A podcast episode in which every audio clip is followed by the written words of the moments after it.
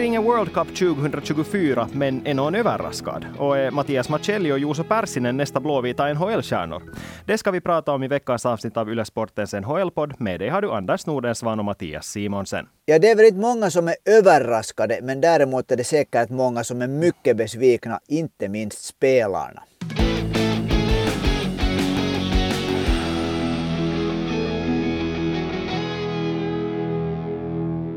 Ja, NHL har nu meddelat att det inte är möjligt att arrangera ett World Cup 2024. Ett besked som det nog kändes som att det var på kommande efter att kommissionären Gary Bettman och vice kommissionären Bill Daley så där ska vi säga ganska tydligt antytt att om inte Ryssland kan vara med så kom, eh, är det ingen poäng att arrangera World Cup, för de vill att Ryssland ska kunna vara med. Samtidigt som de europeiska lagen med Jukka Jalonen i spetsen har sagt att de, de tänker inte spela mot Ryssland. Att det är helt enkelt så att inga europeiska landslag lag tänker delta i en turnering där Ryssland är med. Så det, det kändes som ett, ska vi säga, en sån här mexican standoff där alla bara stod och var sådär att NHL ville att ah, Ryssland ska nog få vara med, att inte, vi inte bryr vi oss så mycket om kriget i Ukraina, medan alla andra sen sa att nej, de ska nog faktiskt inte vara med. Och då sket man helt enkelt att arrangera turneringen. Och Anders, är du, ja, man kan väl inte säga att man är överraskad? Nej, alltså jag tyckte att då var det i juli eller i början av augusti som det kom ut de nyheterna att det kommer att, att arrangeras ett World Cup 2024. Så jag tycker egentligen att man nog den nyheten, om man läste den på, liksom, hur ska man säga, noggrant så såg man att tvärtom så var det ganska klart sagt att det inte kommer att bli av där om man bara liksom förstod premissen. pass, pass lite cyniskt att genast när det kommer en nyhet om att ah, det blir nog av så, blir, så reagerar du genast och visste att nej, det kommer nog inte att bli av. No, det, där, jo, det finns förresten bevismaterial på att jag reagerade på, på det där vår hemsida. det där. Men det är just det jag tycker man ville ta den här nyheten när, när det var det här att, att jo, vi vill arrangera ett World Cup, men, och det där men var så otroligt klart och tydligt där. Jag tycker det var helt helt klart att den här, just den här fixeringen vid att Ryssland måste vara med, så det där tycker jag att, eh, no, härifrån Europa säkert och kanske ännu speciellt från ett land som har gräns med, med det där det landet i fråga så är det, det där på gränsen till omöjligt, eller inte ens på gränsen, det är omöjligt att förstå hur, de, hur NHL liksom inte vill öppna ögonen för verkligheten. Och dessutom så måste jag ännu säga en sån här sak att den här fixeringen också, Ryssland har senast varit bland de tre bästa i en sån här bäst om bäst turnering för 20 år sedan, 2022. Finland har efter det bland annat spelat två finaler, en World Cup-final och en OS-final, tagit brons i två turneringar. Sverige har varit i två finaler. Kanada har varit i alla finaler utom den i Turin. Så liksom, varför är man så fixerad vid, vid Ryssland? Alltså det finns, ska vi säga, eh, jag vill lyfta fram nu fyra namn om vi säger som så. Alexander Ovechkin, Jevgenij Malkin. Okej, okay, mm. Malkin är kanske gränsfall nu för tiden, men Nikita Kucherov och Andrei Vasilevski. De är stjärnor av en sån magnitud i NHL att de helt enkelt anser att de skulle gå miste om så mycket intäkter om det här ryska laget inte skulle få vara med. Och sen kanske det finns något sån här underliggande, ska vi säga en underliggande misstanke om att de här ryska spelarna sen skulle bli så förbannade på att inte få spela i World Cup att de skulle vägra spela i NHL. Att, att det kan finnas också en sån rädsla som är underliggande där i NHL-kontoret. Och det på, visst, på ett visst sätt måste man ju förstå det ur ett businessperspektiv, men ur ett mänskligt perspektiv, ur en idrottsvänlig perspektiv, så, så går det ju inte att köpa överhuvudtaget. För nu, nu, nu är det ju bara så att Ryssland har uteslutits ur det internationella idrottarsamfundet och NHL kan inte vara ett undantag. NHL är ett undantag just nu och som Gary Bettman också har sagt är deras ståndpunkt den att när Alexander Ovechkin spelar i NHL så representerar han Washington Capitals, inte det ryska landslaget. Han representerar inte Vladimir Putin när han spelar för Washington Capitals. Och för en som bor i Finland, så helt som, du, helt som du sa, så är det ju helt befängt att lyssna på det och försöka förstå det här argumentet. Men samtidigt så talar det ju sitt tydliga språk om hur, hur de tänker. Det är som du säger, det är inte ens, du använder väl uttrycket att business är viktigt. Business är egentligen nog det enda som, påverkar det här. Såklart alltså, kan vi komma ihåg att visst är ju Ryssland ett lag som i princip eh, ett, ett, där, har spelare i NHL som skulle kunna forma ett lag som i princip skulle kunna vinna vilken turnering som helst. Så såklart skulle det vara toppspelare men just den här grundtanken som går bakåt i den här NHL så Sovjetunionens legendariska Summit Series, series som, som då fyllde 50 år.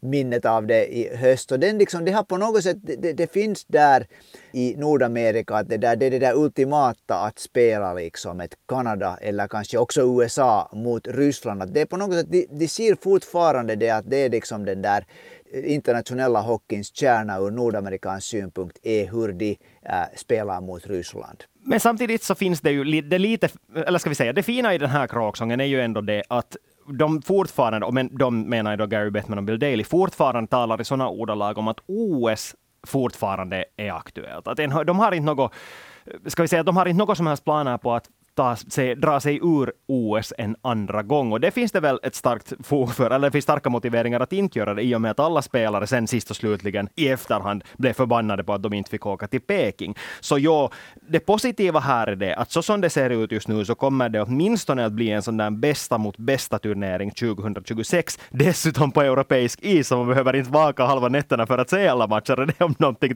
kan jag åtminstone uppskatta. Alltså, det, det, är trevligt att, att, det där, att, att du har sån här positiv inställning. För att, jag, jag måste säga att jag har, jag har nu följt med det här. Du har jag, också jag följt med det länge. Jag vaknar med gott humör idag. Jag känner mig otroligt optimistisk. Ja, just det. Men alltså, jag har på något sätt, min synpunkt är att NHL-ägarna som det där hatar tanken med OS. De söker hela tiden efter den här möjligheten att dra sig ur varenda en sån här turnering. Och för tillfället, och det där när det ännu är tid kvar så, så det där för att få allt att rulla på lugnt så säger man att man är på väg dit jag personligen så säger jag att jag vill tro som du, men jag tror på det egentligen när jag ser att man har gjort beslutet att de liksom sitter på flygplanet till, till OS. För nu var det nästan på gränsen till det när, när, när, det där, när, när NHL drog sig ur.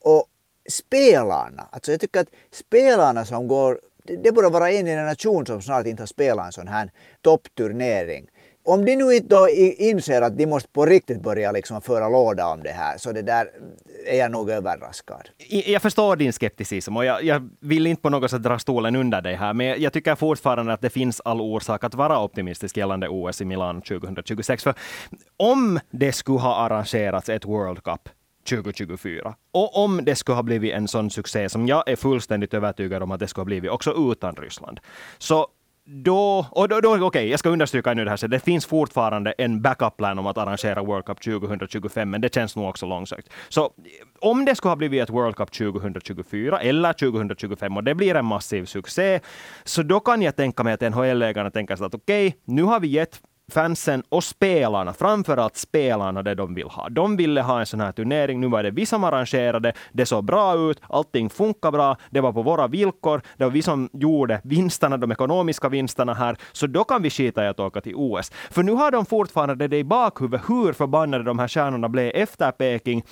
och det igen vill jag nu understryka att det var uttryckligen efter. Jag håller med dig om att de skulle kunna hålla låda också före OS. No, men helt samma. Där hade de en orsak i coronaviruset, de, de väldigt strikta kinesiska reglerna gällande det. Gällande Milano så ser jag åtminstone inte just nu någon sån orsak och att det här tvärtom med tanke på OS är det positivt att det inte blir av någon World Cup. Jättesynd att vi inte får den där turneringen redan om två år, men det är bara tre och ett halvt år till nästa OS. Så det, jag menar, det, den här väntan är inte så där orimligt lång. Nu är den alltså jag tycker att den är orimligt lång nu den har varit orimligt lång. Det är liksom, det är så svagt tycker jag av NHL att inte på riktigt tänka på det att jämföra lite ishockey också med andra sporter och konstatera att av alla sporter så är ishockey för tillfället den enda sån här som ändå på ett sätt är en sån här, den är ju en stor olympisk sport. Alltså den är i vinter-OS, det är en liten sport liksom om man jämför eh, liksom med, med de riktigt stora sporterna i världen. Men i vinter-OS till exempel så är ishockey på ett sätt en jätte. Att det är den enda sporten var vi inte får se ett bäst om bäst turnering, inte på något jäkla vänster liksom. Det har gått egentligen sedan 2014 sedan den senaste för det där grymt ihoptryckta snabba World Cup med sådana här jippolag 2016 så var nog inte tycker jag riktigt en värdig turnering. Men jag är fortfarande på optimistisk humör. Du kan inte, du kan inte dra ner mig i ditt mörka, cyniska hål. Äh. Men det, det jag ändå ville kommentera var det där som du sa om att en hel generation går miste om en sån här bäst om bäst turnering. Det håller jag inte riktigt heller med om. För om vi tittar på det här laget som vi tog ut, som Finland skulle ha kunnat ha i OS i Peking, så talar vi ju ändå om att den där stommen i det laget kommer att finnas kvar också i Milano. Vi snackar Alexander Barkov, vi snackar Sebastian Aho, Patrik Laine också, fast hans säsong nu hittills inte har varit en dans på rosor. Mikko Rantanen, Roope Hintz. De kommer alla att finnas med också i Milano och kommer fortfarande att vara på toppnivå. Förhoppningsvis, åtminstone åldersmässigt sett, har de alla förutsättningar att vara på toppnivå också då. Plus att det finns de här unga lovande spelarna som ännu kan ta klivet in och bidra till den truppen. Men där fanns inte riktigt så där gamla namn, förutom kanske Mikael Granlund, som inte mera eventuellt ryms med i Milano om han nu inte gör en sån här Teemu Selänne-karriär.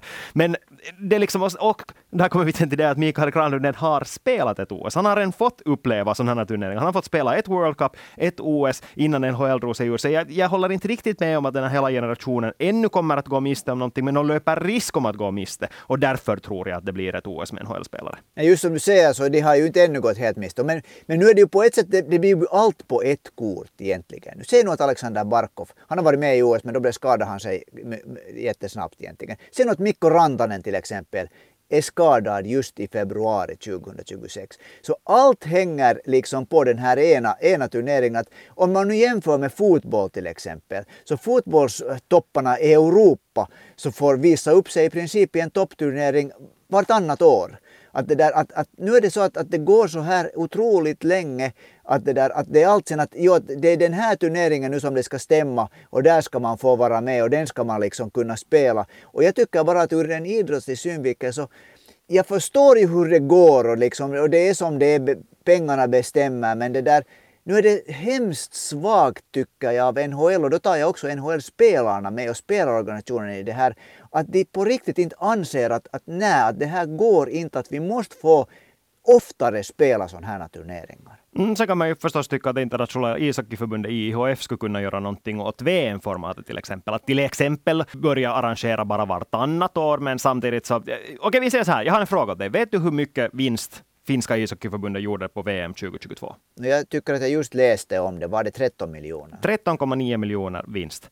Och jag menar, det är sådana pengar som... 900 000 hit eller dit. hit eller dit. Men det är oavsett sådana summor pengar som man i praktiken ber de nationella ishockeyförbunden att mm. ge upp. Och det kommer ju aldrig att hända. Så, så länge som VM varje år genererar så här mycket cash åt, de, åt värdnationen så kommer det att arrangeras varje år. Punkt slut. Så är det bara. Nej, men jag tycker att ishockey, internationella ishockeyförbundet borde tänka så här.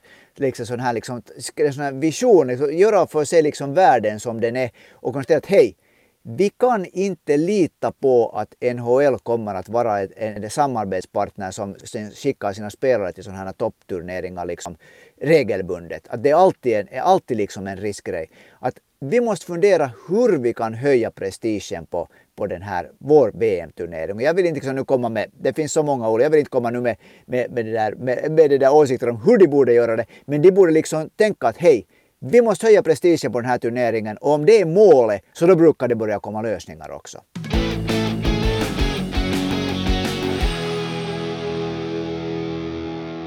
Vi har också den här veckan fått in många frågor som vi givetvis är väldigt tacksamma för och ska genast passa på att påminna om du har en fråga så är det bara att skicka in den på Ylesportens Instagramkonto eller per mail till svenskasporten.yle.fi.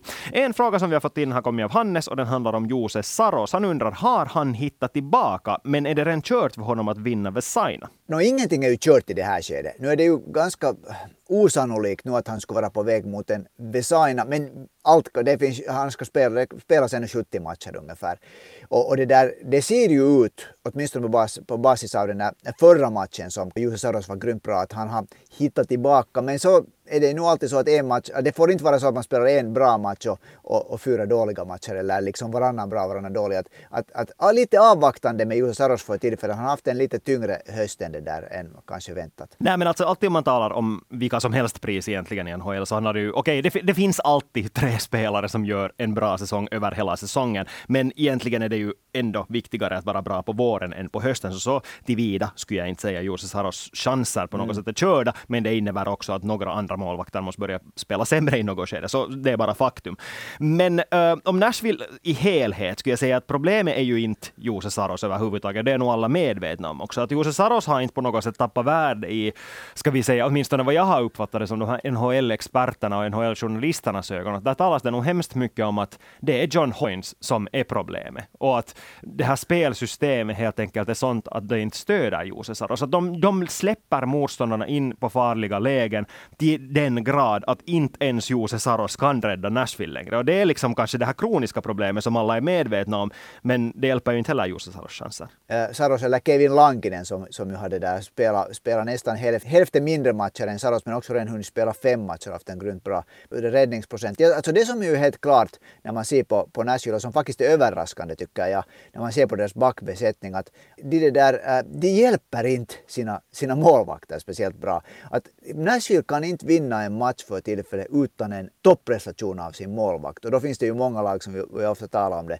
som egentligen bara behöver en OK insats av, av sina målvakter för att kunna vinna den där matchen. Men Nashville liksom lämnar målvakterna ganska ensamma. Jag tycker det är ganska underligt faktiskt när man ser till exempel att de har Mattias Ekholm och Ryan McDonough, McDonough i det där i backtruppen. Eh, no, McDonough är just ett namn som jag har reagerat på att ha cirkulerat väldigt mycket. När man lyfter fram enskilda spelare som har gjort dåliga matcher så tycker jag att McDonalds har kommit fram lite väl mycket den senaste tiden. Jag är nu inte så ska vi säga, jag, jag liksom mitt öga är inte så tränat att jag skulle våga påstå att han har gjort en så usel insats som han kanske har gjort enligt alla de här experterna. Men jag köper det också för att jag menar, det finns ju en orsak till att alla väljer att lyfta fram just honom för att han kommer ändå från ett lag i Tampa Bay Lightning och eller no, om vi tar en tillbaka till hans tid i New York Rangers. Där var han den där ultrastabila backen. Sen gick han över till Tampa Bay Lightning, hade i princip samma roll där. Inte nödvändigtvis bländande offensivt, men han gjorde nog, han gjorde nog jobbet bakåt. Och det var kanske det som väntevärde var att han åtminstone skulle göra i Nashville. Om inte någonsin kanske blir den där samma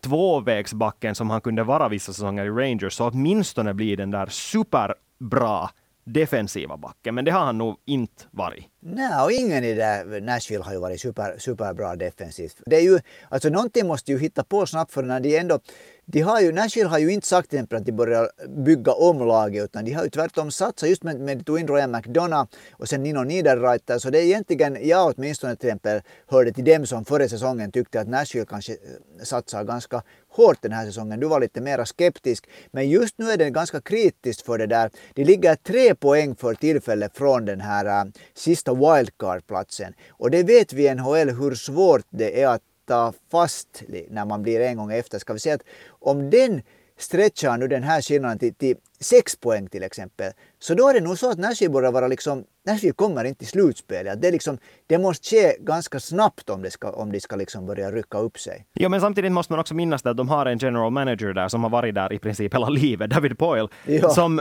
det, jag så, läste en analys eh, på The Athletic där han kallades, eller han jämfördes med en, eller vad man nu kallar det, en domare i högsta domstolen i USA. Att han är utsedd för livstid. Att det, om, han kommer aldrig att få sparken, utan han måste själv i något skede sen inse att det är dags för honom att tacka för sig.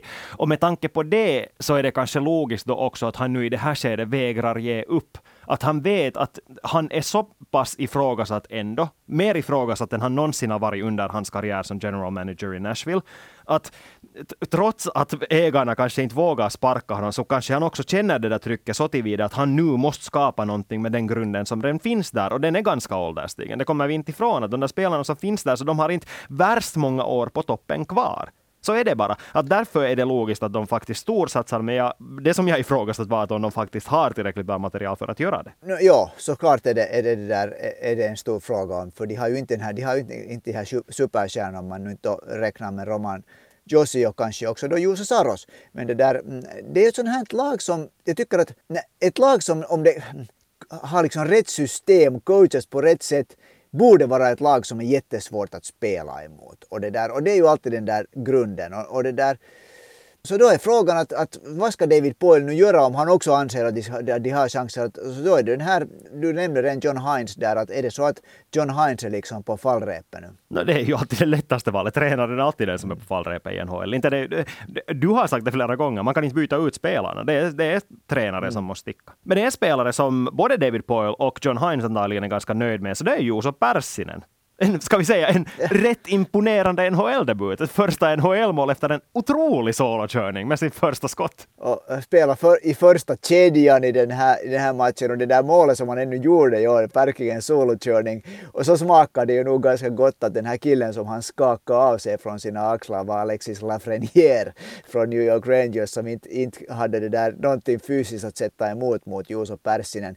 Tio, eh, nio poäng på tio matcher hade Juuso Pärssinen gjort i AHL före de, före de lyfte upp honom nu. Och det, där. No, det här är ju inte, det skulle ju inte vara första gången som en spelare gör en jättebra första match när de lyfts upp till NHL, för motståndare vet ju ingenting om dem heller. Så det, där, det ska bli intressant nu att, att se hur det här fortsätter. Kommer han att få lika mycket ansvar? Kommer han ännu att lyckas? Men en bättre start kan man ju inte mycket få. Dessutom så vann ju Nashville den där matchen. Nej, nej på tal om det där att det är ju inte en garanti för någonting, så vet du vilken den senaste finländska spelaren att göra ett mål i sin första match för Nashville Predators var? Uh, är säkert Eli Tolvanen. Nej, Mika Salomäki. Så det, det, ja, Mika Salomäki, just det. Ja, så det säger inte sådär värst mycket om hurdana ens chanser är att etablera sig där. Nej, men alltså det, det finns ju nog enorma skillnader mellan Juuso Persson och Mika Salomäki, båda, både som spelare och också om vi tittar på det läge som de kommer in i Nashville. Salomäki, alla visste att han alltid kommer att vara en sån där som spelar i tredje eller fjärde kedjan. Juuso Persson är en som man vill att ska vara i en av de högre kedjorna och det var kanske därför som det var så viktigt också att lyckas direkt. För helt som du sa, lyftes in i första kedjan tillsammans med Mikael Granlund. På det sättet är det trygg plats ju att spela på i och med att man har just Granlund där bredvid sig som ändå på många sätt är väl ändå den där drömkedjekamraten att ha i sin första match i den där organisationen. Och det att man lyckas sen direkt måste ju höja på självförtroendet något oerhört. Och, och Juuso Pärssinen på det sättet också det där tycker jag skäl till optimism också för han var ju väldigt dominerande i, i TPS och FM-ligan före han åkte över i mycket unga år. Och han var liksom på rätt sätt. Han var den där spelaren som TPS verkligen kunde lita på i, i tuffa situationer. Liksom. Han, han, han spelade ett, ett, ett sista, sista året ett väldigt fullvuxet spel om vi säger på det sättet. Och vi har fått in en fråga om Persson också. Sami undrar om han kan ta en plats i NHL redan i år. No, åtminstone kommer liksom, han nog att få chansen. Det är helt klart att nu är det liksom, skulle man behöva den där kristallkulan för att chansen får han nu. Han gjorde den bästa, bästa möjliga debuten. Om han nu det där fortsätter att, att spela starkt så då är han i NHL.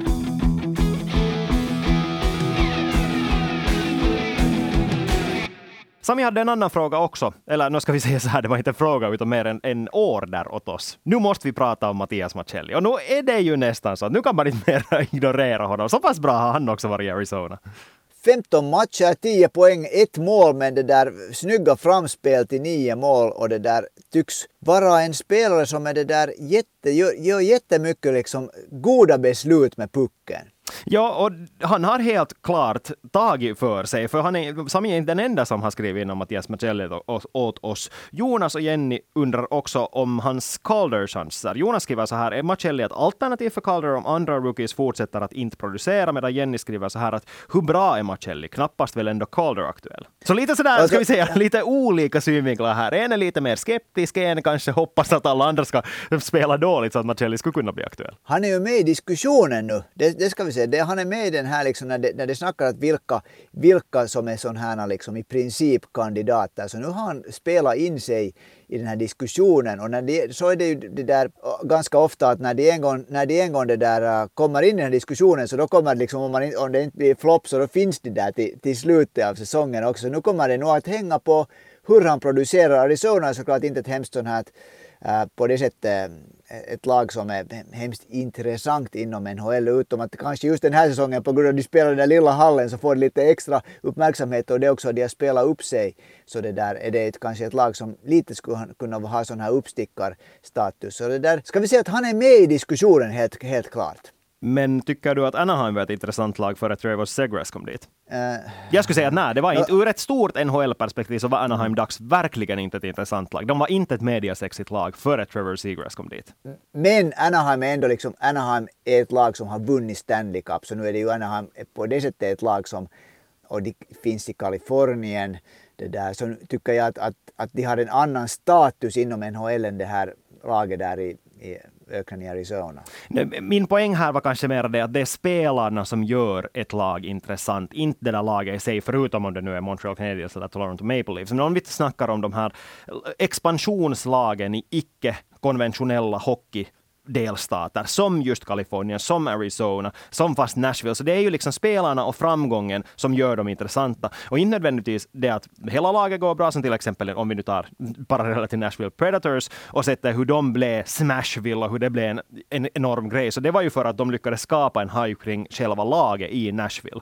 Medan Anaheim sen litar, eller ska vi säga den här Anaheim-hypen ju lever fullständigt på de här unga talangerna. Och det är kanske någonting liknande som Mattias Macelli för att komma upp till en sån här Calder-status kan göra också i Arizona Coyotes. Och det så jag tycker jag talar för det är sättet han spelar för. För att Macelli är ju en kille som lever på sin individuella talang och det som jag tycker att är hoppingivande, glädjande, använd vilka adjektiv man vill, så det är det att han spelar med enormt självförtroende just nu. Att de matcherna som jag har sett, jag har nu inte sett värst många Arizona-matcher ska jag gärna säga, men de matcherna som jag har sett av Arizona Coyote så tycker jag att han har varit en av de där som sticker ut för att han tar för sig och försöker se på dragningar, försöker finta bort motståndare, försöker spela med puck in i anfallszon. Och det är ju någonting som man vet att när det sitter så kan det leda till ganska snygga highlights-mål. Nu, nu är de målen som han har stått för hittills, det här som han sköt in via en försvar, försvarares skridsko till exempel, som var helt uppenbart menat som en pass tvärs över anfallszon, som sen bara tog en touch i skridskor och gled in. Så det är ju inte ett highlight-mål i sig.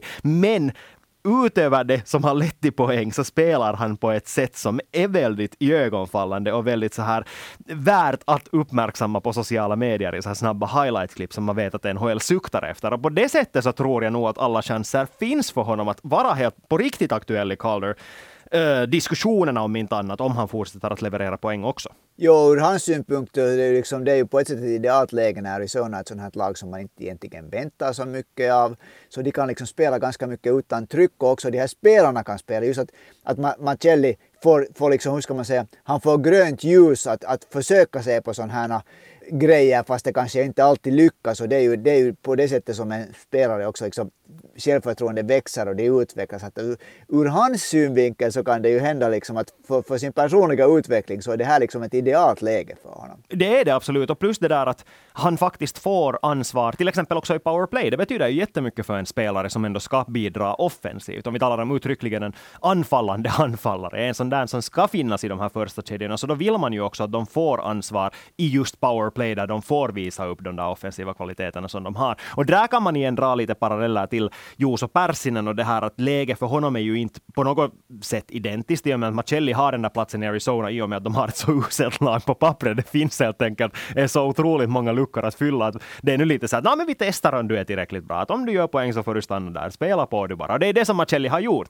Medan Pärssinen sen flyttades ner till AHL innan säsongen började just uttryckligen därför för att de visste i Nashville att han måste få spela i en stor offensiv roll för att faktiskt kunna göra allt det som han ska göra bra på isen. Och det har han ju, fick han ju nu göra i och med att det blev liksom, fanns luckor att lappa. Och på det sättet är det liksom glädjande också för Persinens, ska vi säga utveckling, att de inte heller skynda med honom och satt honom i tredje eller fjärde kedjan från första början, utan faktiskt lät honom mogna några matcher i AHL och sen ta klivet in till NHL och eventuellt då ta en lite större roll och vi, åtminstone försöka visa att han ska höra där också i framtiden. Så, så tillvida lite mer press på Persinen att leverera, men Macelli har nog lösare tyglar om vi säger som så. Det har han helt säkert och det där och, och det där, det, det som skulle sitta att han skulle göra lite fler mål än det där ena via, via den där skridskon. För det är ändå, mål är ändå mål. Vi ska komma ihåg just, just när du nämnde Trevor Seagrass, så nu, var det, nu är det ju det här hans otroliga highlight-grejer som gör att han det där är Jo, men inte, inte det är ju bara mål heller. Nu hade jag också den där passningen som man satte över äh, ja, målet. Just den, det var den, det var den du nämnde. Annars var det ju nog hemskt mycket snygga mål som var Jo, jo, jo, alltså det var ju de där Zorro-målen plus ja. den där ena assisten. Men min, min poäng är nog fortfarande att nu kan man uppskatta en snygg assist också. Att om det är så att du ja. fintar dig förbi fyra försvarare och sen passar pucken till någon som är helt ledig, så nu kommer det att bli en highlight på dig som gjorde, stod för assisten och inte den som petade in pucken från en centimeters avstånd. Inte. Och så finns det ännu en grej som talar för Mattias Macellis chanser och det är hans namn. För det där, det är mycket, det, det, vi vet hur de nordamerikanska journalisterna också är liksom, Mattias Macelli låter liksom, det, det smakar gott till och med ett nordamerika, nordamerikansk mun. Ja, det är inte, det är inte Saku Mäenalainen liksom. Nej, eller Juuso par, par, Parsinen. Och med detta har vi satt punkt för det här avsnittet av Yle Sportens NHL-podd. Vi är tillbaka igen nästa vecka. Tack och hej och ha det bra!